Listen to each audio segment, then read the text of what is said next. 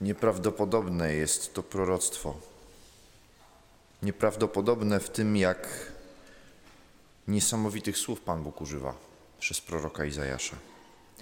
Ten, który jest nieskończony, wszechpotężny, ten, który obejmuje sobą cały wszechświat, który nie ma początku ani końca, ten, którego próbujemy poznać, a jednak nie potrafimy do końca uchwycić jego istoty, ten, który nam się wymyka, który jest tak wielki i tak nieprzenikniony, wszechmocny, wszechpotężny.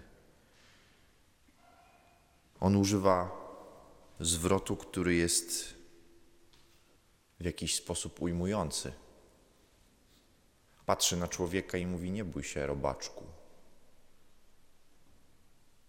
Można się zachwycić tymi słowami, że Bóg w swojej wszechmocy patrzy na człowieka z taką miłością, że nazywa go robaczkiem. No bo nie można odebrać jakiegoś rodzaju pieszczotliwości temu stwierdzeniu. Ale kiedy pójdziemy dalej tymi słowami, to nagle się okazuje, że owszem, Pan Bóg jest pieszczotliwy w tym, jak określa Izraela, jak patrzy na nas. Ale na tym robaczku to się nie kończy. Bo chwilę później się dowiadujemy, że On chce przemiany. Oto przemieniam Cię w młockarskie sanie, nowe, o podwójnym rzędzie zębów. Ty zmucisz i pokruszysz góry. Pan Bóg patrzy na człowieka i mówi: Może jesteś mały. W tym momencie jesteś robaczkiem, ale celem, do którego zmierzasz, jest coś znacznie większego. Horyzont, na który patrzysz, być może kończy się tuż przed Twoimi oczami. Ale kiedy ja Cię przemienię, kiedy ja stanę się częścią Twojego życia, kiedy ja Cię dotknę, kiedy Cię powołam, kiedy Cię pociągnę, kiedy Cię obejmę swoją łaską, to nie będziesz mógł po ten horyzont sięgnąć, bo to moja moc będzie w Tobie. I to już nie ten robaczek pokruszy góry, ale pokruszy je Izrael. Pokruszy je człowiek przemieniony i umocniony Bożą łaską. To słowo jest po to, byśmy nigdy nie zapomnieli, że to nie my sami walczymy z tym, co jest naszą przeciwnością. Że to nie my sami dźwigamy świat. Że tak jak nie my sami ten świat stworzyliśmy, tak nie my sami mamy go zbawić.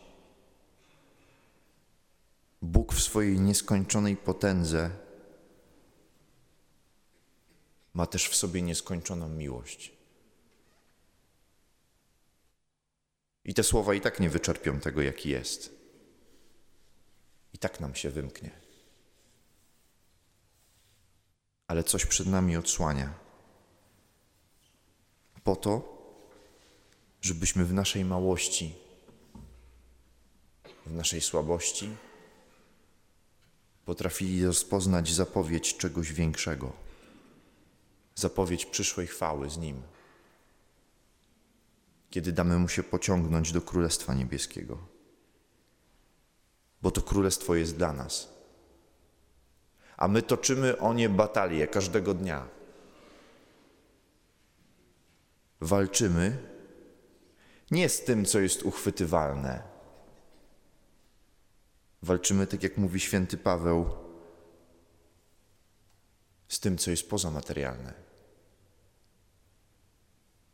Walczymy po to, by zwyciężyć, ale nie walczymy ze światem, nie walczymy z jakimś złem, które jest poza nami. My pierwszą batalię toczymy z samymi sobą, z tym, co wychodzi z nas, z naszą niewiarą, z naszą małodusznością, z naszą zgodą na byle jakość, z naszym umiłowaniem ciemności, nawet wtedy, kiedy widać światło, nawet wtedy, kiedy, wiedzie, gdy wiadomo, że to światło jest życiodajne. Walczymy z naszym obrazem Boga, który nijak ma się do tego, jaki jest naprawdę. Walczymy z naszym grzechem, z tym, że jedno chcemy, a drugiego, a drugiego się dopuszczamy. Z naszym niezdecydowaniem i z naszą niezgodą na to, by się dać Panu Bogu poprowadzić w tym, jak On chce, nie jak my byśmy to widzieli. Toczymy batalię o Królestwo Niebieskie, a zdobywają je gwałtownicy i ci, którzy tę walkę chcą podjąć, a ominąć się jej nie da. Co obyśmy się dali Panu Bogu poprowadzić, tak byśmy nie zostali robaczkami, ale tymi, którzy kruszą skały.